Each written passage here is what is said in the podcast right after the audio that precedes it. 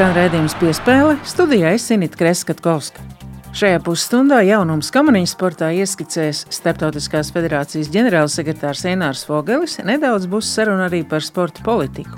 Ātris lidotājs Haralds Silovs iepazīstinās ar savu jauno komandu. Viņš presē atzīst, ka nākamās Olimpiskās spēles būs pēdējās viņa karjerā, un lai ietu tā sakot uz visu banku, Pretim piedestālam ir veicis papildinājumu treneru korpusā, kā arī pēc trim gadiem Norvēģijā pārbraucis trenēties uz Vāciju. Šonadēļ aktualizējās jautājums par Olimpiešu sociālā fonda likteni, jeb tautā saukt par Uļus fondu. Vēl vasaras sākumā divkārtēji olimpiskai čempionai tika pagarināts funkcijas turpināt vadīt fondu uz trim gadiem. Pati Uļu par to, ka fondu grasās likvidēt un funkcijas pārņemt Olimpiskā komiteja, uzzināja tikai pirms nedēļas. Dzirdēsim gan vienu no Loka izpildu komitejas pārstāvjiem Aramandu Puči, gan Izglītības un zinātnes ministrijas sporta departamenta vadītāju Edgars Severu.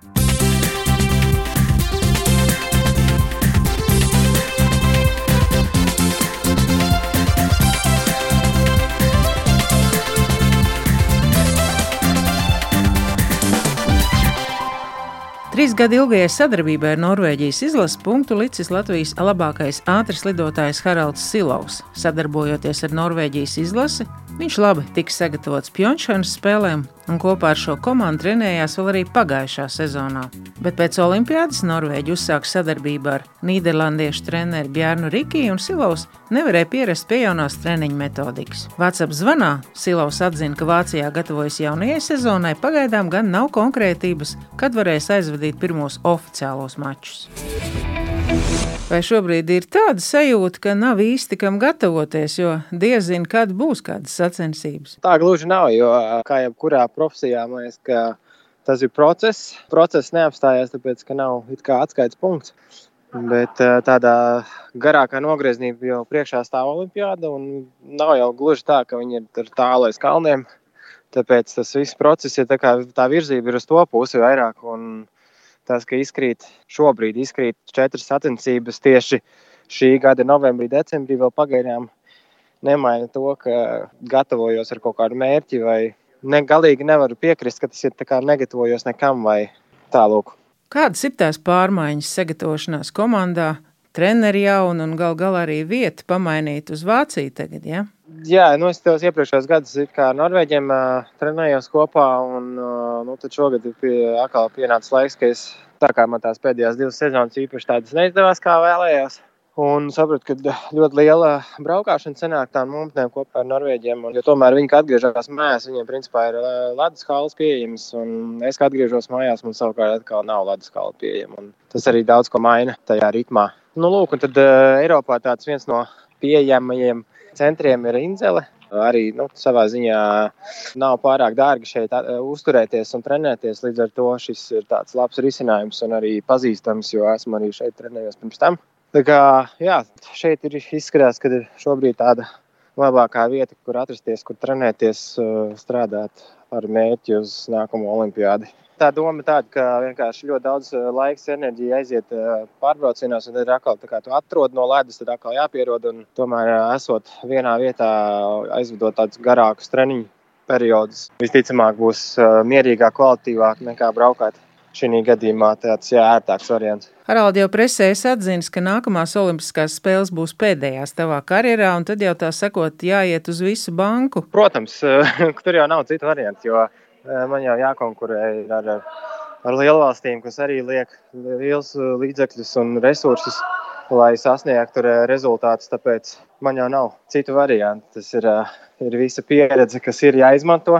Visas stiprās puses, kas man ir, man ir jāizmanto. Un, un es tagad mēģinu tā atrast tādu labāko variantu, būt vairāk arī neatkarīgs no citiem, lai man ir vairāk lielāka stabilitāte, drošība par to, ka es uh, varu izdarīt savu darbu, netraucēt, īsti neatkarīgs no citiem.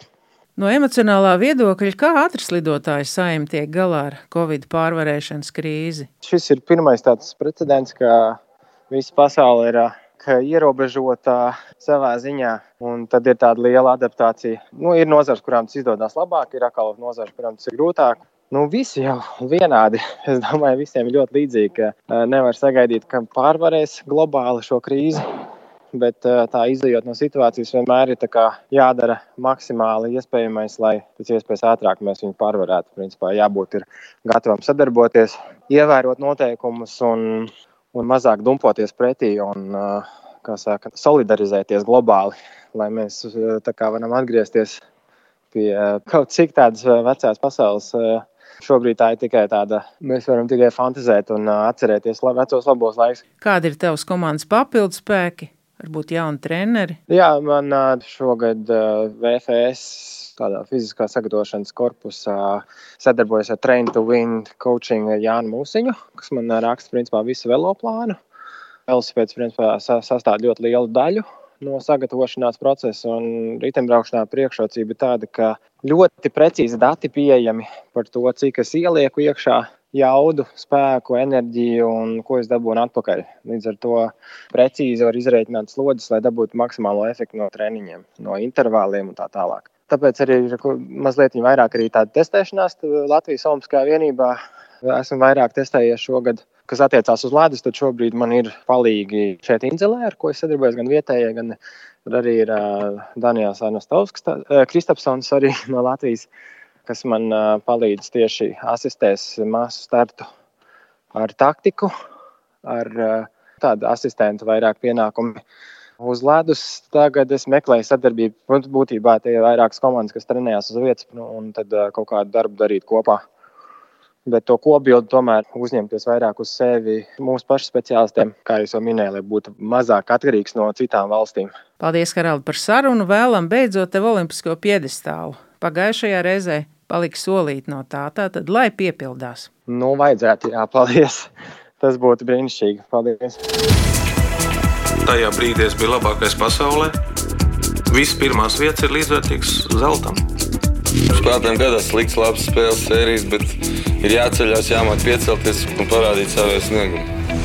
Šonadēļ Latvijas Kamaniņu Sporta federācijas biedra kopsapulcē uz sesto termiņu prezidenta amatā tika pārvēlēts Atis Strenga.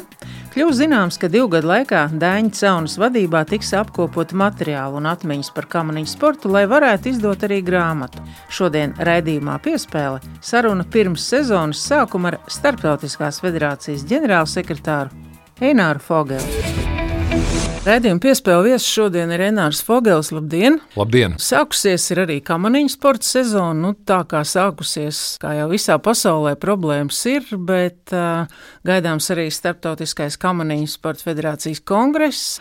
Tu esi Starptautiskās federācijas ģenerālsekretārs, bet nolikā ir beigušās arī Latvijas kamaniņu sporta vēlēšanas, ir arī Atis Strenga pārvēlēts amatā. Varbūt nedaudz ieskicējam to sezonu, kā tā ir sākusies, arī jau ziņās es uh, minēju par šo unikālo gadījumu, kad brāļs Šits brauc iemēģināt uh, olimpisko trasi. Varbūt vispirms par to savu sporta veidu, tā sakot, uh, ieskicis vīziju pirms sezonas. Jā, paldies. Sezona ir sākusies. Sezona ir sākusies šobrīd, nu, jāsaka, pasaulē trijās trasēs. Viena no tām ir Sigūda, kas ir absolūti šobrīd trasa, kur ir pieejama pilnīgi visiem.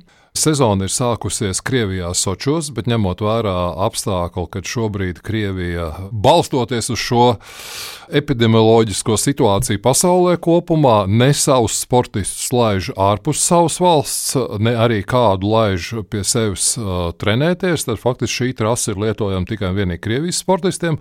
Šajā nedēļā es saņēmu pirmos uh, video no jaunās olimpiskās trases, no Jančingas, no Pekinas spēļu trases, kur arī Ķīnas komanda, šobrīd 19 sportistu sastāvā, jau ir veikuši pirmos neoficiālos braucienus, gatavojoties oficiālajai trases homologācijai, kura sāksies no 26. oktobra, tā kā šajā mēnesī.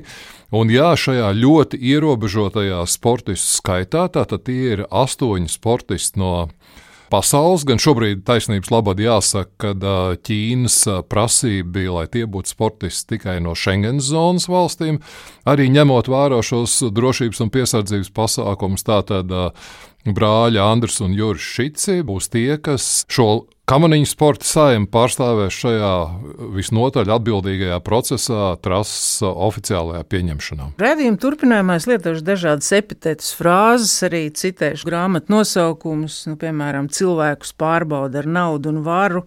Trīs vīri laivā, četri tankisti un suns, modes tendences ar Dolce Gabbana, ezītas miglā. Ja vajadzētu izvēlēties no šīm iepriekšējām frāzēm, kas attiecināmas uz varbūt notikumiem Latvijas sportā, kur tu izvēlētos? Šobrīd kopējā situācija, vispār, ja mēs runājam par sporta nozari, ja mēs esam lielā mērā varbūt kā ezītas miglā, no kuras mums pašiem šobrīd ir jāmēģina tikt diezgan skaidra laukā. Jo skaidrs ir viens, mēs diezgan ilgi esam runājuši par sporta nozares pārvaldību un par standarta frāzi sakārtojamību vai sakārtotību. Es esmu pilnīgi pārliecināts, un šobrīd to jau mēs labu laiku esam diskutējuši, un vismaz, nu, ko es runāt par federāciju padomu, mēs šo darbu esam jau labu laiciņu sākuši pie tā, kādā veidā mēs redzētu šo sabiedrisko sektoru. Arī pirms divām nedēļām bija Eiropas sporta nedēļas ietvaros, bija konferences gan ar paneļu diskusijām, gan ar citu valstu kolēģu pieredzi daloties, kā ksim, šis sabiedriskais sektors strādā sadarbībā ar valsts sektoru. Jo šobrīd neiet runa tik daudz par naudu, ja, cik varbūt par to, kā mēs paši iekšēji organizējamies, kā mēs savstarpēji sadarbojamies, kādas ir šīs nu, funkciju teiksim, sadalījumi starp sporta organizācijām. Un, protams, lai šī uzbūve būtu pilnīgi skaidra un saprotama ne tikai tiem, kas šajā administratīvajā sektorā darbojas, bet protams, visai sporta sabiedrībai. Ja? Nu, tas ir šī brīža pamatu uzdevums. Un tad tālāk mēs, protams, varam runāt arī par visām pārējām lietām. Es gribētu teikt, ka šobrīd mēs esam tādā nelielā miglā, no kuras mums būtu jāmēģina tikt uh, skaidri laukā. Jau teikt tā, ka nabadzība pa istabu iekšā, tad mīlestība pa logu ārā. Vai tas, ka nu, sponsoru piesaist praktiski ir kļuvusi lielajam sportam? Neiespējami vai minimāli, tas arī varbūt uh, uzliek daudz lielākas uh, funkcijas, vai pat sakot, var diktēt noteikumus valsts budžeta naudu, un līdz ar to mēs arī redzam visus tos secinājumus, kas no tā izriet. Šobrīd, manuprāt, tā lielākā nelaime ir tā, ka um, arvien vairāk un vairāk uh, tiek uh, mēģināts nokoncentrēties uz šo ļoti nelielo valsts budžeta naudas daļiņu, jo faktiski nu, viņi nerisina neko. Mēs nerunājam vairs tik ļoti aktīvi pēdējā laikā par to, kādā veidā pateikt paldies tiem cilvēkiem, kas sportu kādreiz ir balstījuši un balsta joprojām, kādā veidā viņus vairāk motivēt, kā motivēt šīs organizācijas un, respektīvi, kā piesaistīt vairāk līdzekļus. Un tā, manuprāt, ir šī pamata problēma. Jo koncentrējoties tikai uz uh, šo valsts budžetu, jā, pie kam mēs redzam, ka mēs cīnāmies šajā gadījumā jā, ne jau vairs par attīstību, jā, mēs, mēs cīnāmies par to, lai mums nav mazāk un mēģinām saprast, kā to mazumiņu sadalīt. Nu, tas faktiski, manuprāt, šajā sporta lauciņā ir tas pats bīstamākais faktors. Jo paralēli šobrīd Latvijā, ja mēs skatāmies kaut vai tautas sporta laukā, ir attīstījušās ļoti daudzas labas un perfektas lietas, ja, kas faktiski attīstās Pilnīgi savādāk, nebalstoties uz valsts budžetu, kas attīstās uz entuziasmu, kas attīstās uz līdzekļu piesaisti. Ja? Nu, piemēram, sporta spēlēs šī entuziastu līga, ja? perfekts risinājums, perfekts izpildījums un uh, perfekts produkts, kurš uh, var darboties ne tikai Latvijā, bet kur šobrīd, es saprotu, jau līgas organizatori ir gatavi darboties arī ārpus valsts robežām, stirnu buku, dažādi taku skrējieni, ja, velobraucieni, orientēšanās sports, milzīgi daudz lietas, kas attīstās paralēlajā pasaulē, ja, ja mēs tā varam runāt. Un, tā tad faktiski šī koncentrācija tikai uz šo valsts budžetu, nu, manuprāt, tas ir, tas ir absolūts strupceļš šobrīd. Jautājums, kā Latvijas Olimpiskās komitejas izpildu komitejas loceklim, tad, kad dibināja Olimpiešu sociālo fondu, to arī tad bija Olimpiskajā apritē. Nu, tā saucamā uļas lieta jau šajā nedēļā ir diezgan aktualizējusies. Jā, es ļoti labi atceros, kāda bija mērķi, kādēļ viena vai otra organizācija Latvijā tika radīta, tika dibināta, jā, un kas, teiksim, man liekas ļoti svarīgi šī pirmkārt izrādītā uzmanība, kur ir pelnīta šiem mūsu cienījamiem cilvēkiem, kur savā laikā sportā ir ļoti, ļoti daudz paveikuši. Ja? Un, manuprāt, teiksim, tas pamatmērķis ir lai šie cilvēki justos aprūpēti, lai viņi justos aizsargāti un lai kāds ar viņiem regulāri nodarbotos. Ja. Kādā formā tas notiek, tas droši vien šobrīd ir šo atvērto diskusiju pamatā, bet katrā ziņā, manuprāt, tikai varbūt kaut kāds augsts matemātiskais aprēķins nevar būt vienīgais pamatojums šādām izmaiņām. Un eh, es domāju, ka šobrīd eh, šīm eh, diskusijām uzsākoties, pilnīgi noteikti, jā, es domāju, ka nu, no tās informācijas, kas ir manā rīcībā, problēma ir komunikācijā šajā mirklī, bet es domāju, ka tiks atrasts šobrīd pareizie ceļi, lai šis fonds turpinātu normāli darboties. Un, protams, mēs nekādā gadījumā nedrīkstam uh, aizmirst un nenovērtēt to milzīgo ieguldījumu, ko Uljana Semjonova ir personīgi devusi šī fonda labā. Ja. Te ir vairākas lietas, kuras tā kopā saliekot, manuprāt, parādīs tā pareizo ceļu, kāds līdz šim ir iets. Un es domāju, arī turpmāk tiks iets. Mm. Mēs nedrīkstam pazaudēt uh, to galveno vadmotīvu, ka mēs strādājam Latvijas sporta labā viens mats ir trausls, bet, ja sapīt bizē, tu viņu nekad nepārrausi. Ja? Un muskuļu šķiedra arī bija kvijums. Protams, vēlākais prieks, ka mēs palikām elitē, cīnījāmies un labi nospēlējām, es domāju. Skan raidījums piespēle studijā Esinīta Kreskatkovska. Šonadēļ kļūst zināms, ka Olimpiešu sociālo fondu grib pārvērst par Latvijas Olimpiskās komitejas struktūru vienību. Arguments trūks naudas un jāsamazina administratīvie izdevumi. Vispirms neformālās sarunās Simjonovai piedāvāts konsultants status bez paraksta tiesībām, bet pēc vizītes Izglītības un zinātnes ministrijā pie nozares atbildīgās ministras Ilgas Šuplīnskas Loka prezidentam tomēr ieteikts ļaut Uļai turpināt iesākto. Vēl gan gaidām atkārtot vizīti. Izglītības un zinātnes ministrs sporta departamenta vadītāja Edgars Sever viedokli lūdz jau pēc šīs tikšanās.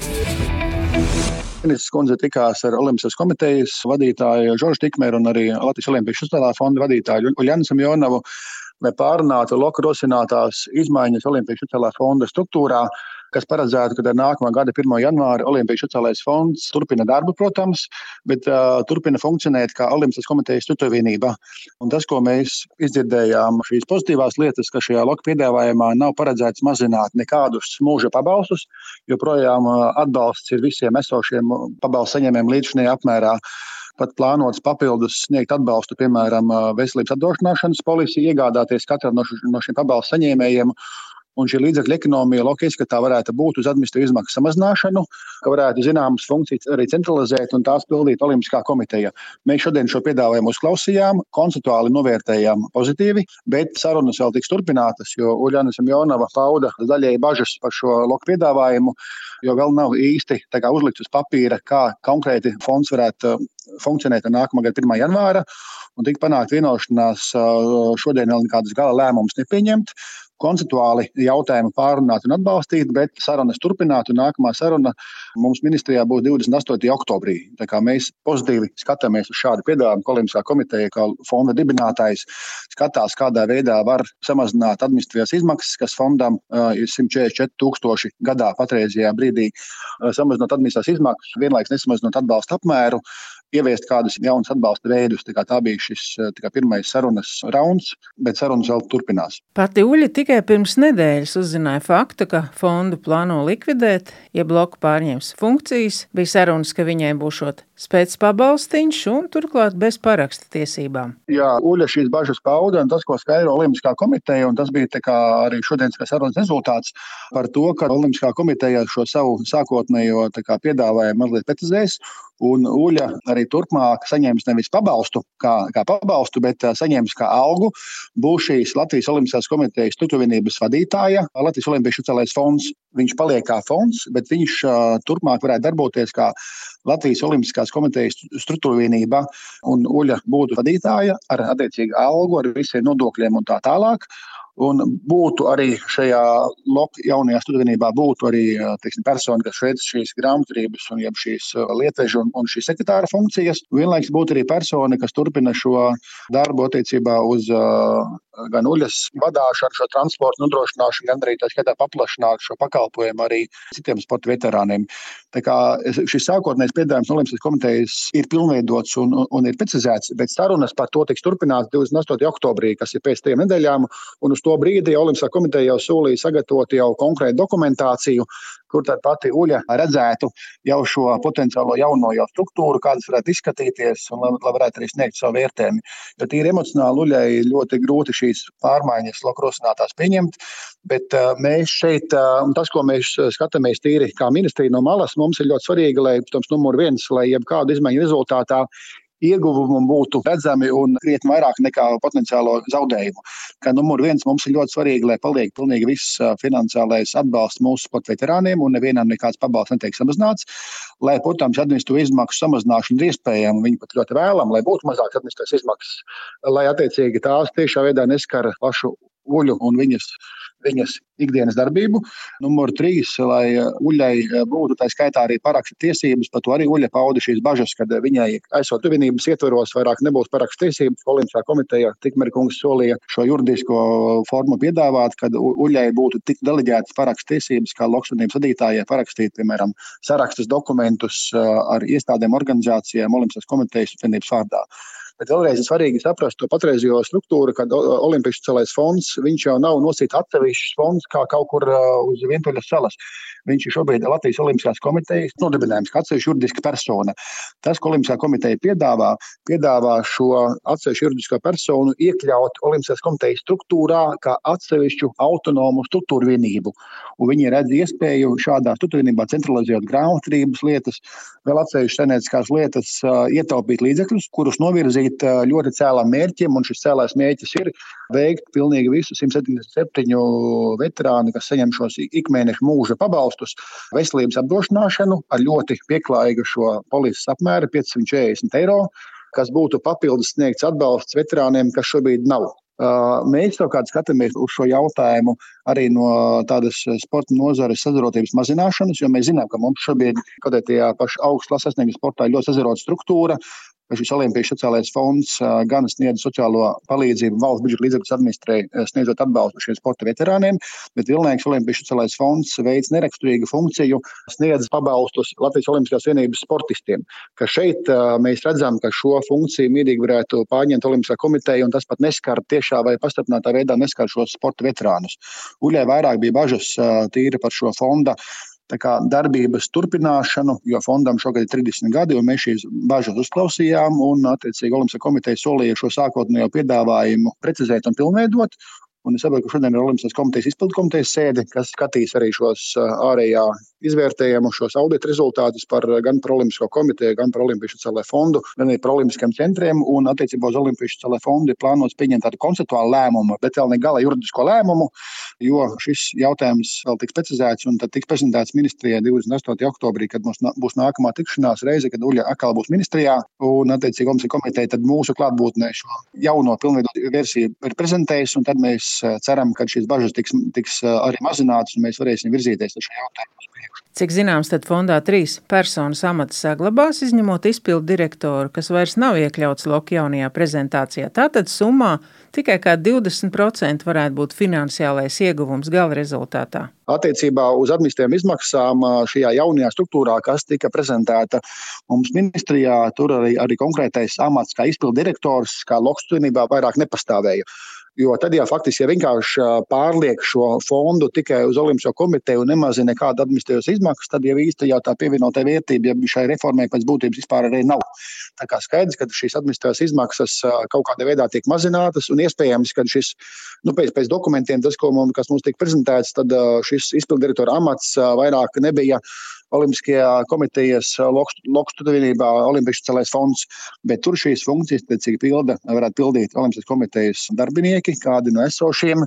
Vai arī papildus pienākumi šai grāmatvedē, lietvedē, sekretārei, kāds šis amats ir šobrīd, ko veids viena pārstāvi. Mēs līdzdarbojamies šajā procesā diviem iemesliem dēļ. Numur viens, ka šeit ir runa, ka šī organizācija arī simtprocentīgi administrē valsts sporta budžeta līdzekļus.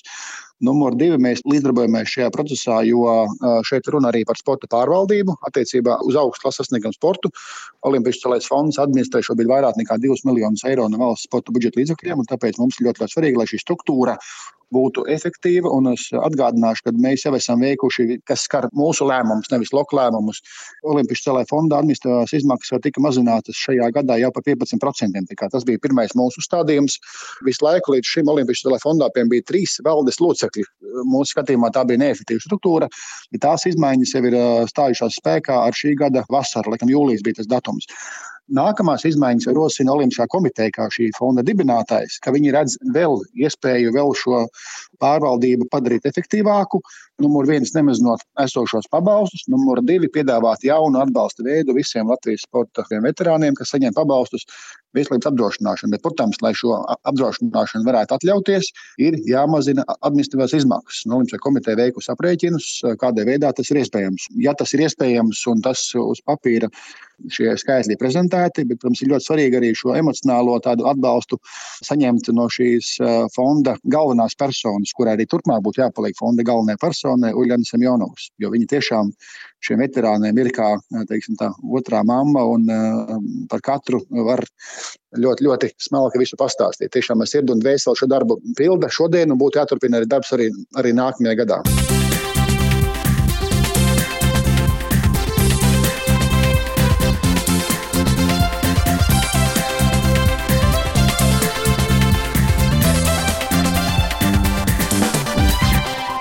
Piespēles turpinājumā Loka izpildu komitejas loceklis Armāns Puķe ieskicēs savu versiju, kāpēc lielā steigā plāno likvidēt Olimpiešu sociālo fondu, lai tā funkcijas kā struktūra vienība pārņemtu Olimpiskā komiteja, kas savulaik pati to dibināja. Armāns Puķe.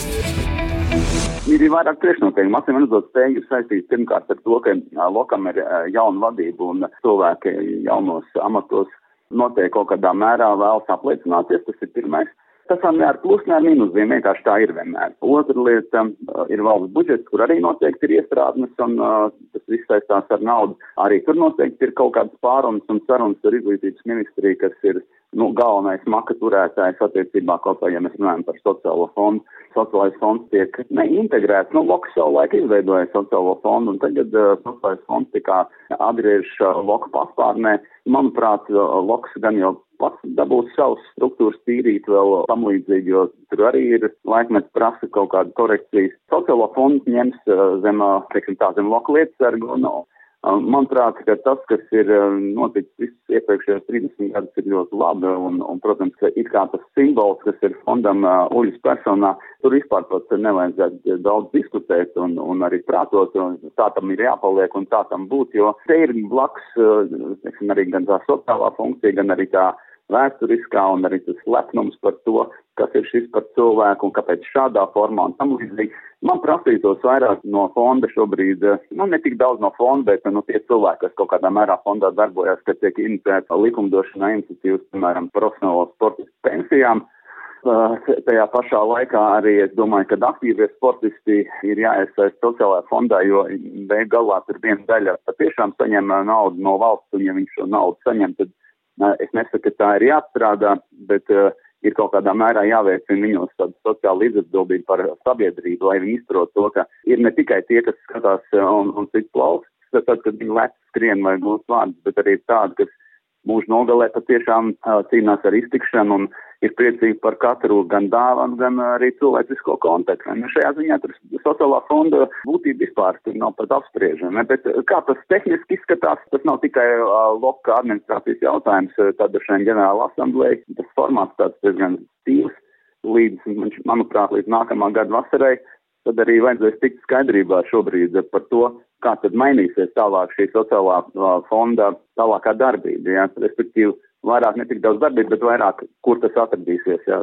Visos gadījumos, kad notiek pārmaiņas, vajag uzdot sev jautājumu, kāda tam ir jēga, jā. kas no tā mainās vai, vai paliek labāk. Un, ja mēs varam atbildēt uz jautājumu, vai paliek labāk ar pluszīmi, tad ir vērts pārmaiņas veidot. Reiz gadā tas, ko Uļa darījusi ļoti rūpīgi ar Ziemassvētkām balvām, kas aizkustina un, un dāvana maisiņiem, tas jau, protams, ir skaisti un, un, un tas ir pareizi. Un tāpat arī te, tas atbalsts, kas tiek tā kā, nu, pabalsti, kas tiek izsniegti veterāniem, sporta veterāniem, tas arī nav nekas slikti. Taču te varētu dziļāk mazliet ar šīm pārmaiņām rakt un, un, un beigās būtu ieguvēji, nu, fonds būtu ieguvējis kopumā gan ar to, ka ko ir darījis iepriekšējos 30 gados, gan skatoties uz to, kas būtu jādara tālāk. Jautājumam par olimpiešu sociālā fonda likteni punktu vēl neliksim, bet raidījums piespēle gan šoreiz izskan. Es Inītu Kreskatkovska, skaņoperatore Nora Mitspapa. Paldies, ja klausījāties!